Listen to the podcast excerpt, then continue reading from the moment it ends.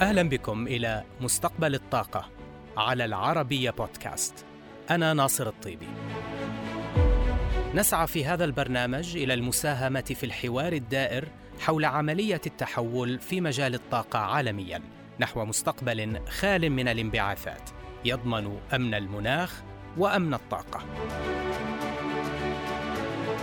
تغييرات جذرية أدخلتها السعودية على هيكل قطاع الكهرباء لتحويلها إلى منظومة تنافسية وتمهيد الطريق أمام مشاريع الطاقات المتجددة والتي ستشكل 50% من مزيج الطاقة بحلول عام 2030 وآخر هذه التغييرات فصل الشركة السعودية لشراء الطاقة عن الشركة السعودية للكهرباء وتحويلها إلى شركة مملوكة للدولة. فما الهدف من هذه التغييرات لنتابع هذا التقرير سوق تنافسية للكهرباء هي المستهدف من إعادة هيكلة القطاع في السعودية ليتحول من هذا النموذج القديم الذي كان يجمع كل الأنشطة الرئيسية تحت مظلة شركة واحدة إلى نموذج جديد يتم فيه الفصل بين أنشطة شراء الطاقة والتوليد والنقل والتوزيع. قطاع التوليد أو الإنتاج تستحوذ الشركة السعودية للكهرباء على حصة الثلثين فيه تقريبا. لكن هذه النسبة قد تتغير في السنوات المقبلة مع دخول المزيد من المنتجين المستقلين ومشاريع الطاقة المتجددة. أما التطور الأهم مؤخرا فكان إتمام انتقال ملكية الشركة السعودية لشراء الطاقة المسماة اختصارا المشتري الرئيس من الشركة السعودية للكهرباء إلى الدولة في أغسطس الماضي لتتولى شراء الطاقة من جميع المنتجين وإعادة بيعها لشركات التوزيع ولتصبح المسؤولة عن الطرح التنافسي لمشروعات الطاقة المتجددة والتقليدية. كما تتولى شركة المشتري الرئيس شراء الوقود من أرامكو لتزويد منتجي الكهرباء ورفع كفاءة استخدامه مع إمكانية البيع المباشر لكبار المستهلكين مثل المصانع. خطة إعادة التنظيم تهدف في النهاية إلى رفع كفاءة القطاع وتحرير السوق وإتاحة المجال للعقود الثنائية بين المنتجين وكبار المستهلكين بما يرسخ الشفافية في العلاقات التجارية بين الأطراف العاملة في قطاع الكهرباء هذا الهيكل التنظيمي التنافسي لسوق الكهرباء تتزايد أهميته مع زيادة حجم الطاقات المتجددة التي يتم بناؤها. ففي العام الماضي تم الإعلان عن توقيع اتفاقيات شراء الطاقة لمشروعات الرأس وسعد وليلى للطاقة الشمسية الكهروضوئيه بسعة 1091 ميجاوات والتي ستسهم في جذب استثمارات تقدر بمليارين و900 مليون ريال. أما في العام الحالي فمن المستهدف تطوير وطرح عشر مشروعات للطاقة المتجددة بسعة 7 جيجاوات بما يشجع القطاع الخاص للاستثمار وتعزيز الشراكات مع القطاع العام خصوصا مع تسجيل المملكة السعر الأكثر تنافسية على مستوى العالم في إنتاج طاقة الرياح والطاقة الشمسية. وبالتالي لا بد من مشتر مستقل ومنظم مستقل لشبكة النقل وموزعين متعددين لضمان تساوي الفرص بين المنتجين ورفع كفاءة المنظومة الكهربائية ككل في السعودية.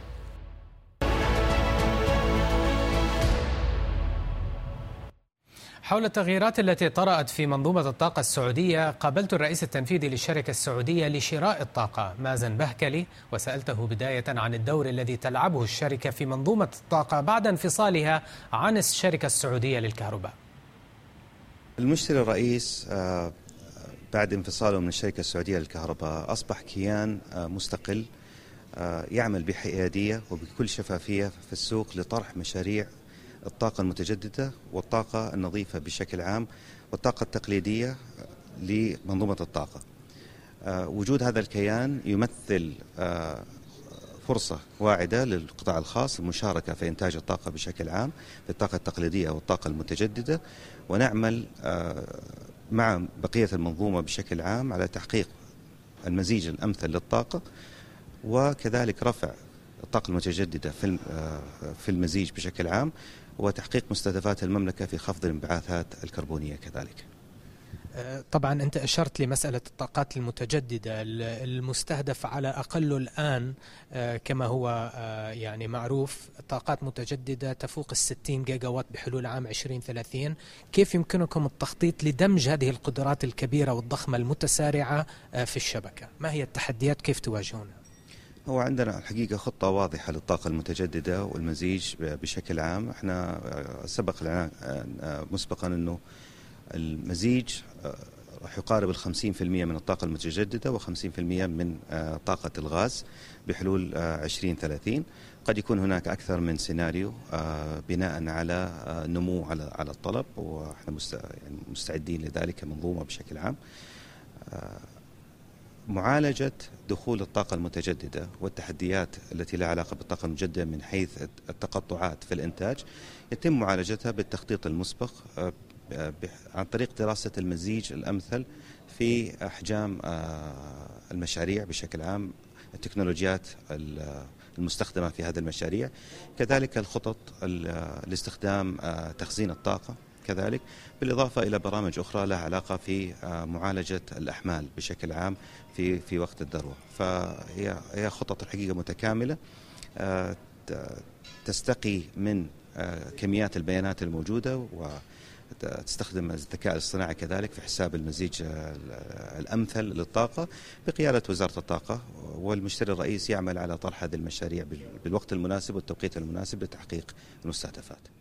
سؤال أخير يعني بالإشارة إلى البيانات والشبكات الذكية والعدادات الذكية هذا يعطيكم بيانات ضخمة وهائلة جدا. كيف يساعدكم هذا على التخطيط لليوم التالي آه، في القطاع الكهرباء آه، في المملكة؟ البيانات المتوفرة في الشبكة الحقيقة تساعد بشكل كبير جدا مشغل النظام على التخطيط اليوم التالي آه، واستخدام الأفضل وأرخص وكذلك آه، أعلى أعلى كفاءة للقدرات الموجودة في الشبكة بشكل عام، وإحنا نعمل آه، بشكل مصاحب جدا لمشغل النظام آه، كمشتري الرئيس بحيث إنه إحنا نتأكد من توفر القدرات المطلوبة في الوقت المناسب وكذلك التخطيط المستقبلي لخروج هذه الوحدات بشكل مناسب بحيث لا يتعارض مع مخططات مشغل النظام.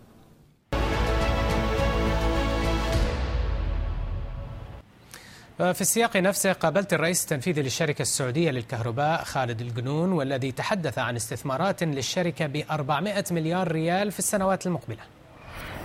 حقيقة قبل لا نتكلم عن الإصلاحات سواء الهيكلية أو الإصلاحة المالية يجب أن نفحص أو نتحرى هل بيئة العمل مناسبة أو لا.